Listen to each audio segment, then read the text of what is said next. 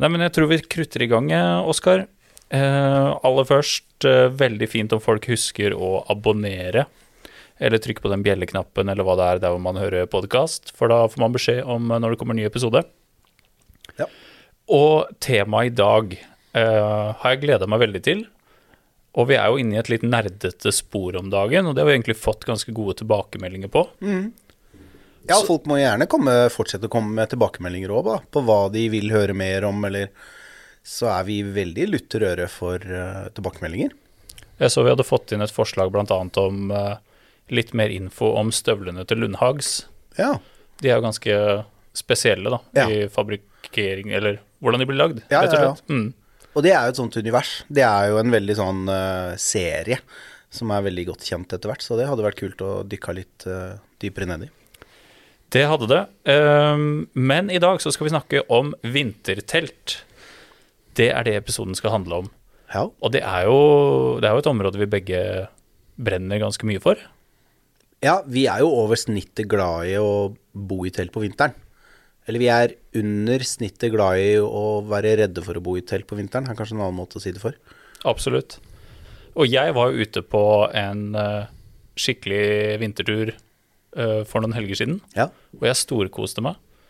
Og, men det som var litt spesielt der, var at det var ganske kraftig vind. ja. Det var liksom 25 meter i sekundet i kasta. Hva slags telt sov du i da? Da sov jeg rett og slett i et Hilleberg Nallo 3 GT. Ja.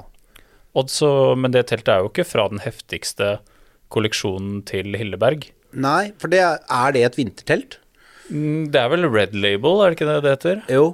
For det er vel Yellow Label som er sommertelt, og så Red Label som er litt mer allround, og så Ja. Eller Black Label er ekstremt. For det jeg tenker på her, altså det er på en måte poenget mitt, er at det, hva som er et vintertelt, det er jo ikke Det er jo ikke en helt sånn klar linje på Helt hva enig. som er et vintertelt og hva som ikke er et vintertelt.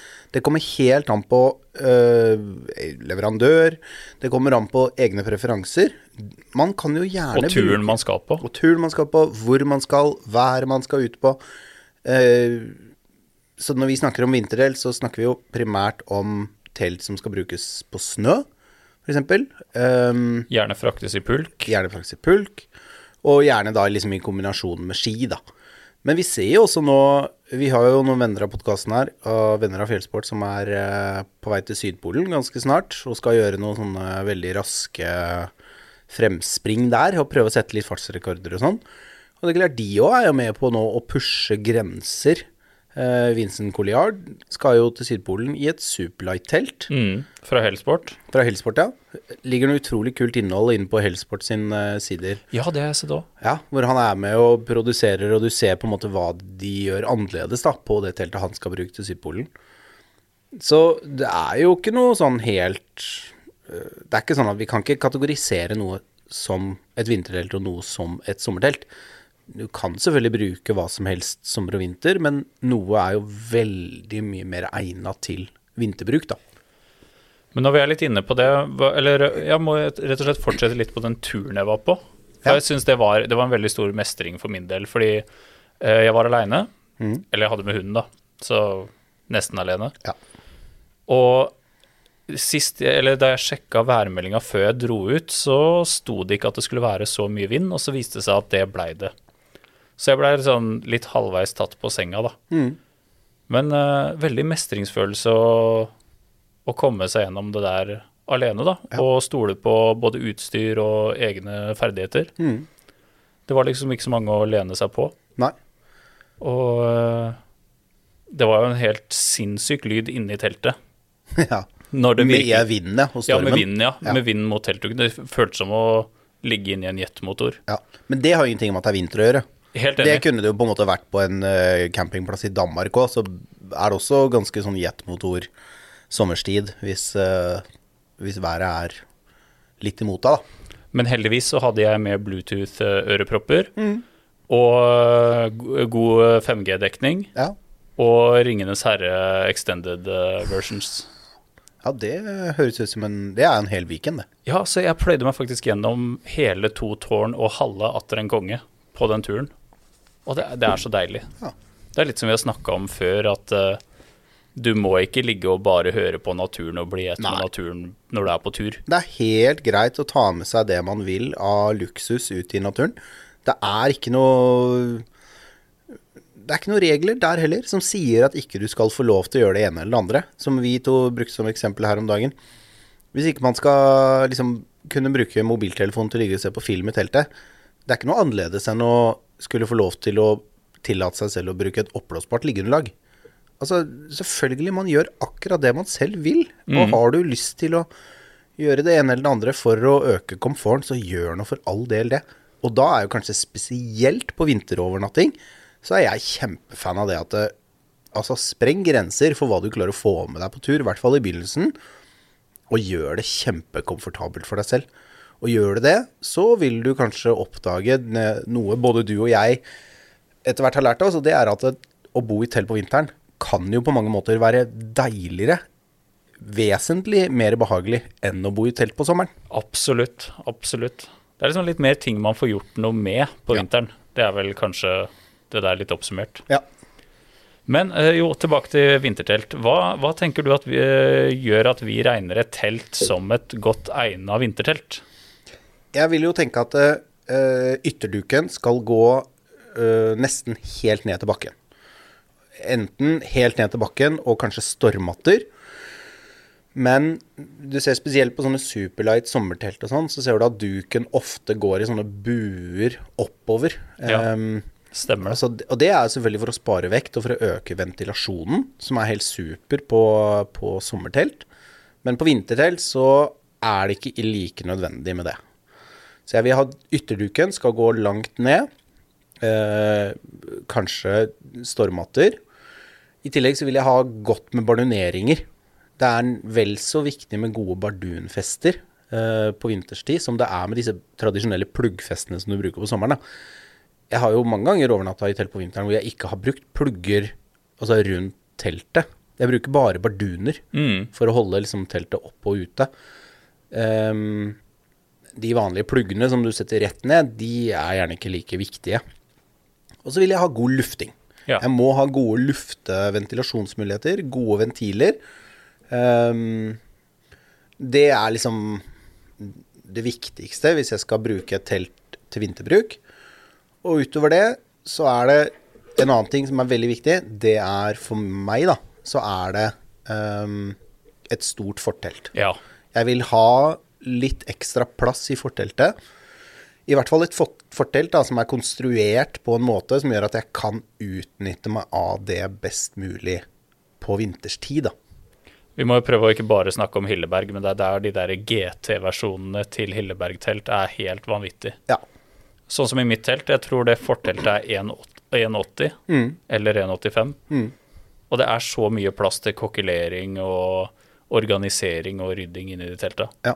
Og det er da et tunneltelt, da, for de som ikke kjenner det. Ja, ja.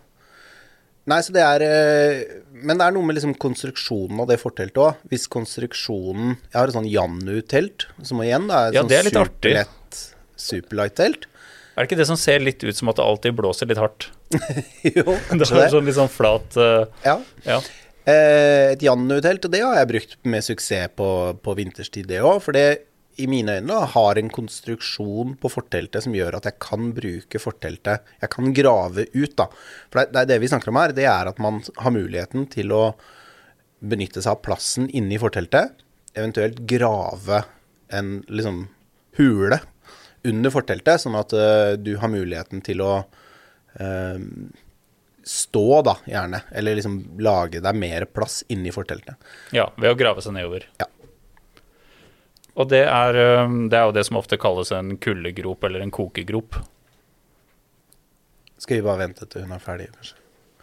Jeg vet ikke, jeg bare tenkte du så så Det var sånn Du så så Hanna driver og filmer litt her, Sånn. Langt. Ja. Hva var det du drev med nå, Anna? Det var liksom litt gult som tok fokus i Å ja, det var gult som tok fokus i bakgrunnen. Ja, det er bra. Jeg skjønner. Jo, hvor var vi? Kokegrop og kuldegrop. Ja. Mange, eller teorien før var vel at uh, kald luft sank nedi der. ja. Så er det vel litt debatt om det egentlig skjer. Ja, det er klart det er nok eh, kaldere ned i den kuldegropa. Um, jeg tror det der stammer litt fra uh, snøhule eller iglo. Ja, For der har det nok en litt annen effekt. Når du får en sånn kuldelås. ja, du har en kuldelås uh, nedenfor der du sover, ikke sant? Ja. Der, er det jo, der får det en litt annen effekt, da. Når du på en måte kryper ned og så opp igjen Ja. i en, uh, en iglo. Men i et telt så får det ikke helt den samme effekten. Men altså, kjært barn har samme navn. Hva det heter eller hva som er effekten av det, det er nok ikke så nøye. Men målet som sagt, det er jo at man har et sted gjerne å stå. Det liker jeg veldig godt. At jeg kan stå om morgenen og kle på meg, eller om ettermiddagen så kan jeg stå oppreist inne i forteltet. Og nettopp det gjør jo at eh, vintertelting, hvis du gjør det riktig, så for min del, så er det rett og slett mer komfortabelt enn sommertelting. For jeg kan stå inne i teltet og lage mat. Eh, jeg kan stå mye lunere. Det er jo ikke noe vind eller noen ting inni der. Og det er jo ikke sånn at på vintertelt så må det være 25 minus. Du kan Nei, være på vintertur i null grader. Absolutt. Og da å stå inni der, kanskje sola steker litt på teltduken, eller du står inni teltet og lager mat. Det er sosialt, og det er hyggelig. Kanskje du er to-tre stykker inne i teltet. Um, hvis du har prøvd å lage mat inni forteltet på et telt sommerstid, med to-tre stykker i teltet, det er i hvert fall for min del, det blir ganske sånn klaustrofobisk og, og trangt etter hvert. Um, mens på vinteren så er det null problem, altså. Mm. Absolutt. Eh, jo, litt tilbake til eh, de eh, hva vi regner som vintertelt, da. Eh, veldig kjekt å ha muligheten for dobbelt stangsett. Ja. Det er det jo ofte på i hvert fall mange av Hilleberg sine Ja, mange Modeller. av de store produsentene, Hilleberg ekstremserien og til Hellsport, blant Ja. annet. så, så lar det seg gjøre. Og på mange telt så er det jo sånne klips da, som du skal klipse teltstengene fast i. Mm. Um, da har jeg sett litt forskjellige løsninger. Det er noen produsenter som har Altså, disse klipsene, de er festa i løkker. Og da har jeg sett at da skal du kunne tre den stanga gjennom de løkkene. Eventuelt så er de klipsene linka liksom annenhver vei. Den ene går til venstre, og så går neste til høyre, og så går neste til venstre igjen. Ja, stemmer det. Og da er vel også tanken at du skal ta alle som går til høyre på den ene stanga, og alle som går til venstre på den andre stanga, da. Mm. Ehm, så det er på veldig mange telt så er det absolutt mulig å dytte på doble stenger. Alternativt så går det kanskje an å kjøpe sterkere stenger.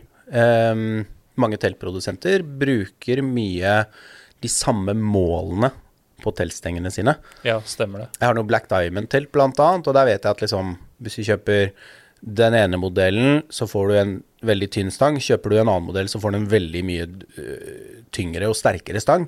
Men stengene er akkurat like lange.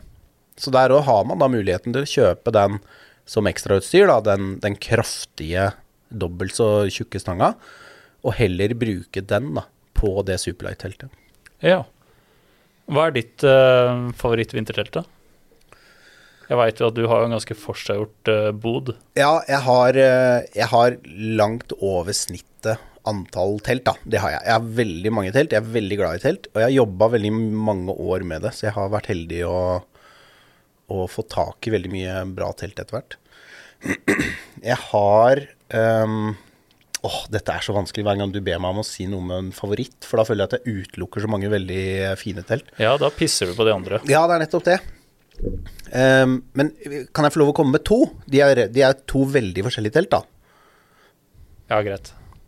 Et Hilleberg Saitaris.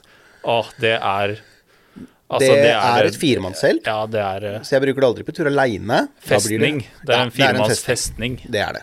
Eh, jeg bruker det ikke på tur aleine. Jeg bruker det på tur med venner og kollegaer. Um, Opptil fire personer på vinterstid. Som jeg har brukt det når vi har vært to. Det har vært helt topp. Jeg og broderen var på tur med det. Kjempeålreit. Jeg bruker det på tur med barna osv. Det er super vindstabilt. Det har alt jeg trenger og ber om og ønsker i et vintertelt. Um, for meg så er det det absolutt beste vinterteltet på markedet. Så jeg er ikke i tvil hvis jeg er mer enn meg selv. Så er det det absolutt mest robuste og beste teltet jeg kan bruke. Det veier litt, selvfølgelig. Men ser man igjen da litt bort fra det, så er det en eh, vanvittig luksus å kunne ha med seg det teltet på tur, altså. Jeg blir litt over snittet engasjert når du sier Saitaris, fordi Ja.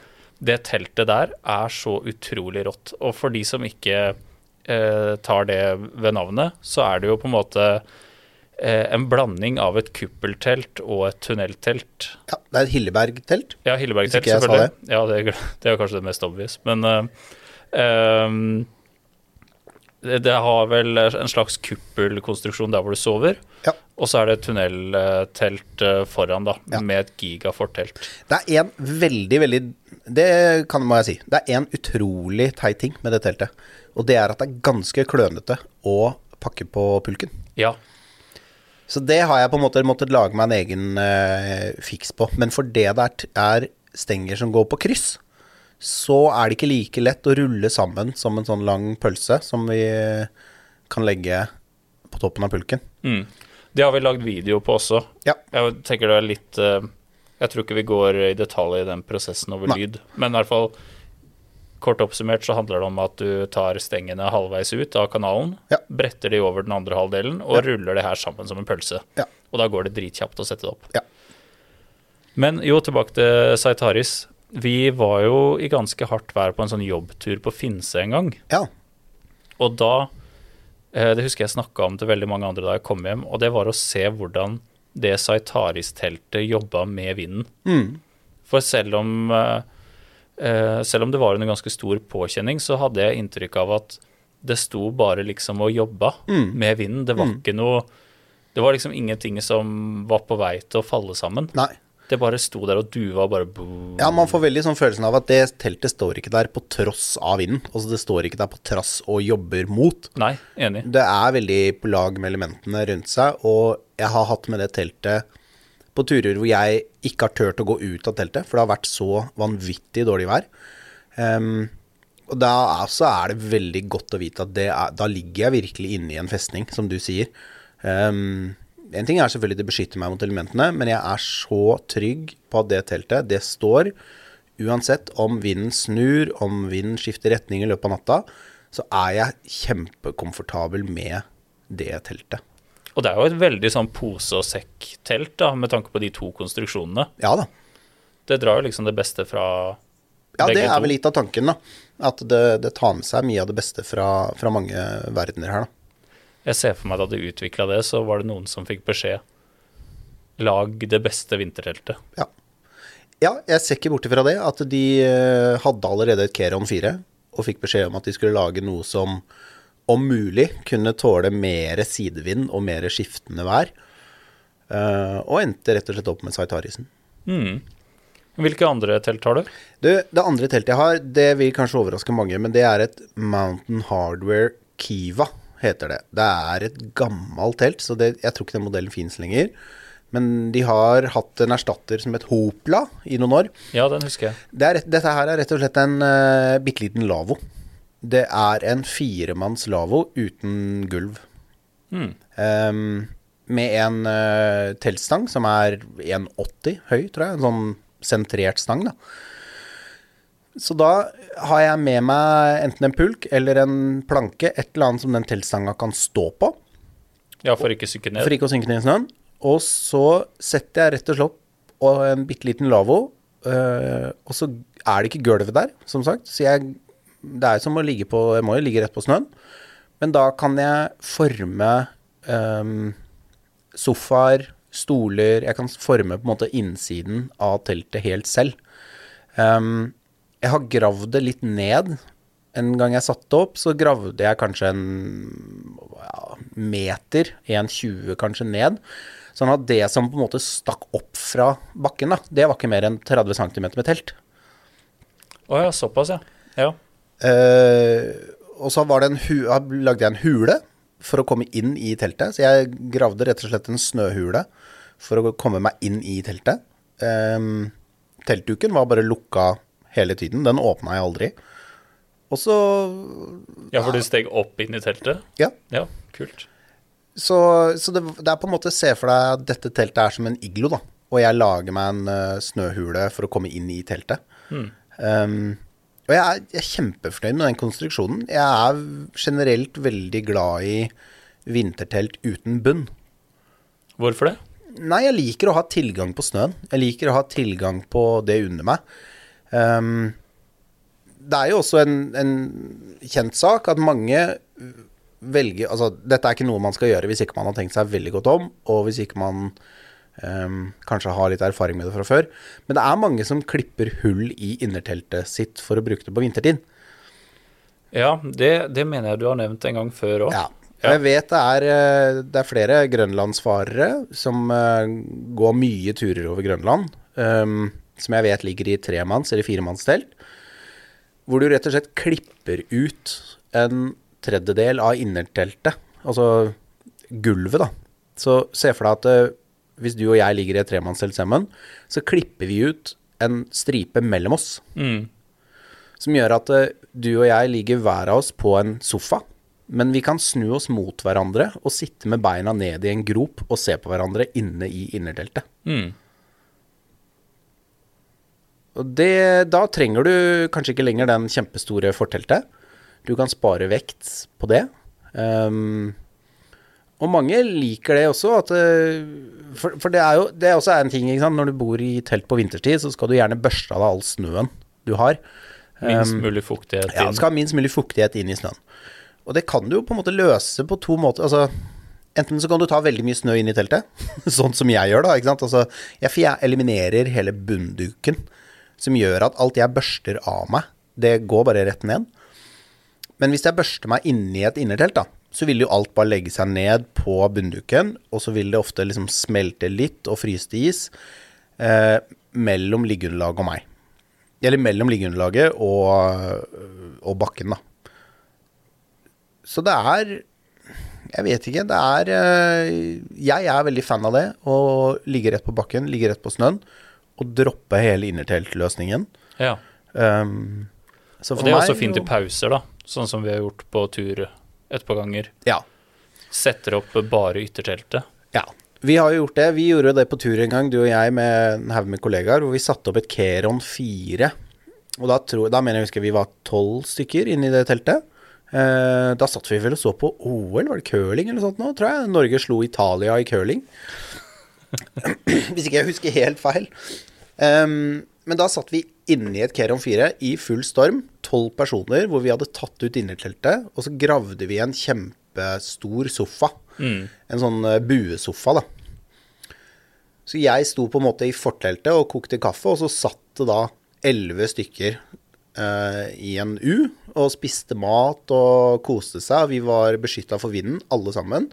Og der blir det fort varmt. Der blei det fort. Det hjalp veldig på temperaturen. Ja, for da, da åpner du dunjakka og ja. sitter veldig komfortabel. Ja, altså. ja, det var helt suverent å sitte inni der. Og bare det å komme seg inn og få litt ly da, er jo helt gull. Og så er det veldig ålreit, for tidligere på dagen så hadde vi jo satt oss i sånne vindsekker. Al altså, det var, det var helt vanvittig vær når vi var på denne turen her. Det Ja. var et helt, helt ekstremt vær. Vi var på Finse. Finse stengte ned. Jernbanen stengte. ehm, og det hele Altså, det var jo en mange, mange dager hvor Hardangervidda var stengt, rett og slett. Så det var ordentlig, ordentlig møkkavær. Ja, og da begynte vi jo Vi begynte jo også å avtale litt oss imellom at de som hadde jobba eh, kortest tid i fjellsport, var de som skulle bli spist først. Ja. Ja, ja, Det er vi veldig opptatt av. Ja. Det- Eller folk i prøvetid. Ja, ja, og det var vi veldig åpne på. Vi lagde jo en liste hvor vi Mm. snakket om sånne ting som det. Og det er viktig, selvfølgelig. Det må du gjøre når du er på tur. Det er noe av det første du må tenke på. Hvem det må være en forventningsavklaring der, ja. Ja, ja, ja, ja. Så tenk på det når du drar på tur.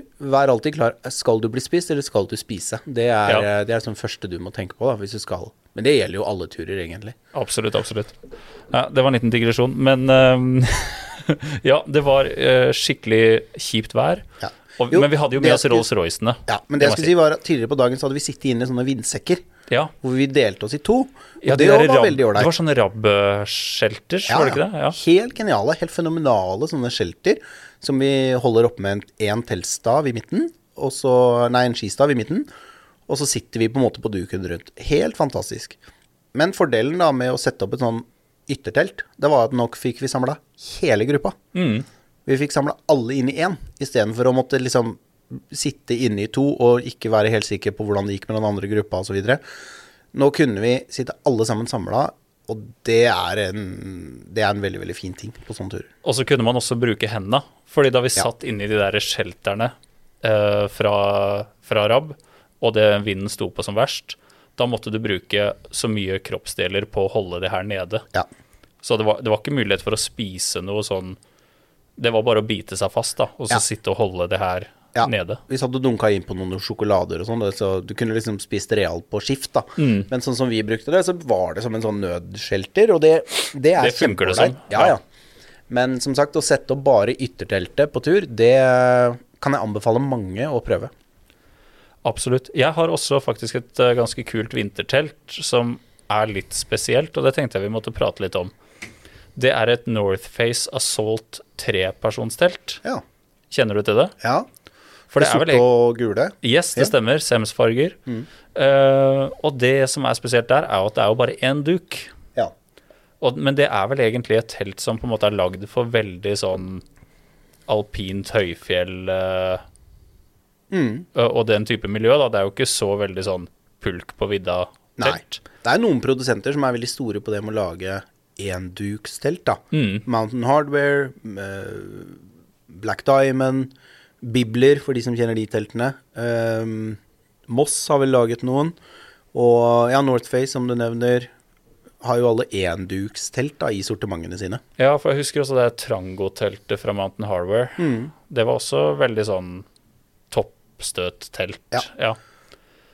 Men uh, det er jo noen ulemper med enduk også, Absolutt. i form av hjernekondens, gjerne kondens og Du kommer litt tettere på rimet, da. Mm.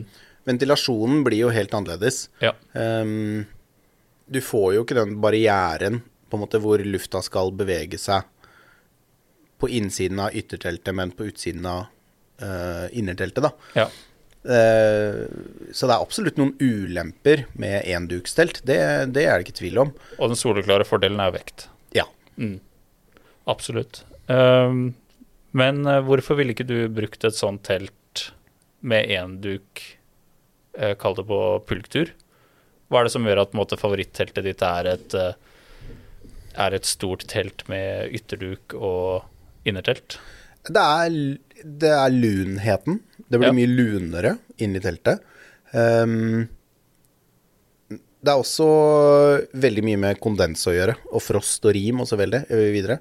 Jeg ser jo ofte at eh, når du tar sammen teltet da, om morgenen, så kan du ofte se at det ligger rim på innsiden av ytterteltet. Absolutt. Eh, så den kan jo ofte være helt hvit, og må gjerne børstes liksom tom for snø. Eller rim, da. Eh, mens inni innerteltet så kan du ha klart deg ganske bra. Der er det ikke så mye rimdannelse og så mye, mye snø og is, da. Så det er eh, en kombinasjon av flere ting. Det er litt lunere.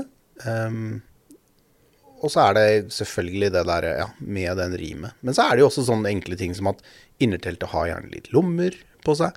Det har eh, gule vegger, som er litt mer behagelig å komme borti i løpet av natta enn den røde, knitrete plastikkduken som du opplever som ytterteltet. Um, så det er eh, noen sånne ting òg, men, eh, men det er kondensen, ja. Det er det Ja. som er uh, hovedgrunnen. Jeg husker ikke hvilken polfarer det var, men det var en som anbefalte at den beste isskrapa i verden var den derre trekanta matboksen du fikk kjøpt, gjerne på XXL før. Oh, ja, Jeg tror det var noe sånn Light My Fire, Okay. eller noe sånt sånn, eh, sånn eh, trekanta matboks, ikke Mm, sant? Se for deg at den er sånn 3-4 centimeter dyp. Mm. For da skrapa du bortover rett i beholderen. Oh, ja, sånn, ja. Så det var liksom av alle fancy ting eh, der ute, så var det liksom den matboksen da, Mm. som var liksom det beste, Ja. beste iskrapa. Ja, for det, det Altså, jeg vet ikke hvor mye vekt vi skal legge på det. Skal du ut og sove én natt på vinteren, ikke stress med det, men gjør det gjerne for din egen øvelsesdel, da. Jeg bruker mye en sånn uh, børste som jeg har kjøpt på Biltema, eller jula er det vel. En sånn uh, snøbørste til bilen. Som jeg bruker til å børste meg selv, for å være helt sikker på at ikke jeg får noe snø inn i innerteltet. I ytterteltet ikke noe problem. Så jeg går inn i teltet etter at jeg har satt opp, og så børster jeg alle klærne mine. Helt, helt tom for snø. Og jeg sørger også for å børste alt tomt for snø før jeg tar det inn i innerteltet.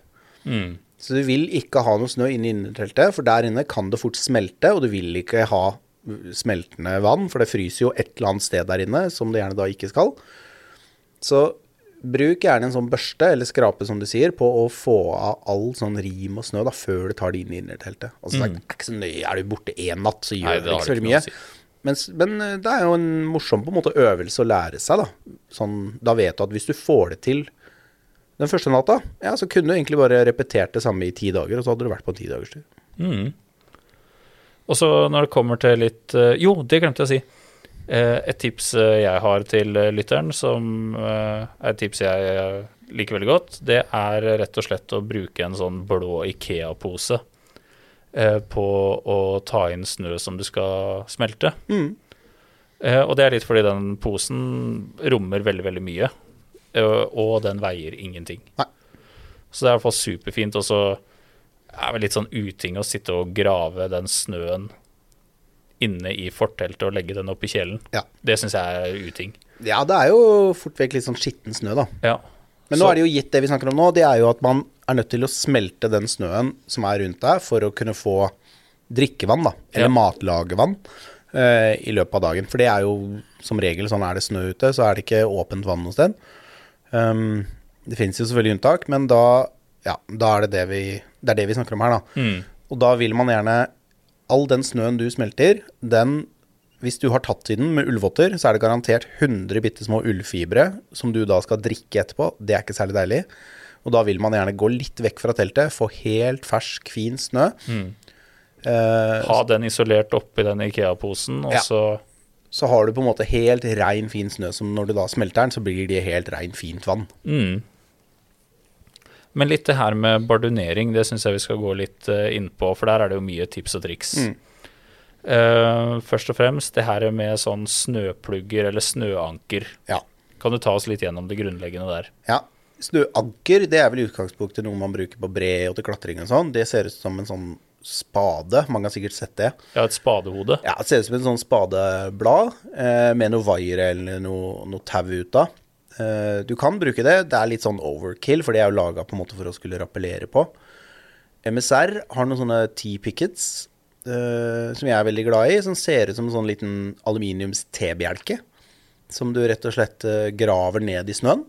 Som har masse hull i seg, som gjør at du kan feste bardunene uh, rundt denne lille T-bjelka. Eh, og så har du Hellsport og Hilleberg og Sydvang og veldig mange andre produsenter. De lager rett og slett bare veldig store eh, teltplugger. Ja. Som ofte er eh, 15, 20, 30, 45 cm lange. Ikke de derre med tre spisser og en sånn veldig fancy, ser ikke ut som en torpedo. Dette er den derre gode, gammeldagse, litt sånn bøyde, uforma, Ja. eh, litt sånn breie, sånn skje-lignende teltpluggen. Og målet her er selvfølgelig at hvis du setter en sånn Tanken er at hvis du setter en bitte liten teltplugg ned i snøen, så bare har ikke den noen motstand, så den blir dratt opp. Noen av de kommer med masse hull i seg, og noen kommer også med tau som er festa i seg, og i det tauet så er det en liten karabinkrok også. Så tanken her er jo rett og slett at du graver denne ned. Enten så stikker du den ned som en vanlig teltplugg, og så holder det hvis du har riktig type snø. Hvis du har litt løsere snø, så kan du grave hele teltplukken ned. Gjerne legge den på tvers, 30 cm under snøen. Koble på bardunen. ehm, og så pakker du snø oppå, tramper det hardt, sørger for at det sitter, og så kan du stramme bardunen da etterpå mot det ankeret som du da har gravd ned i snøen allerede. Mm. Så det er liksom tanken bak en snøplugg. Og så kan du jo bruke alt mulig rart. Eh, Ski. Du kan bruke ski. Du kan grave ned skia på tvers. Du kan stikke skia ned som en teltplugg. Det er jo det vanligste. Det ser du jo veldig ofte på liksom et vintertelt, at det står gjerne staver og ski og alt mulig. Da er det bare viktig å huske på, må nevne det, pass på de med stålkanter. Mm. Stålkanter mot en barduntråd. Hvis det rykker og napper litt i teltet da med vinden, så ryker du den ganske raskt. Så Så husk å snu skia. ja. Skisålen inn mot teltet. Ja, stålkantene mot teltet, sånn at um, barduntråden blir litt beskytta mot de stålkantene.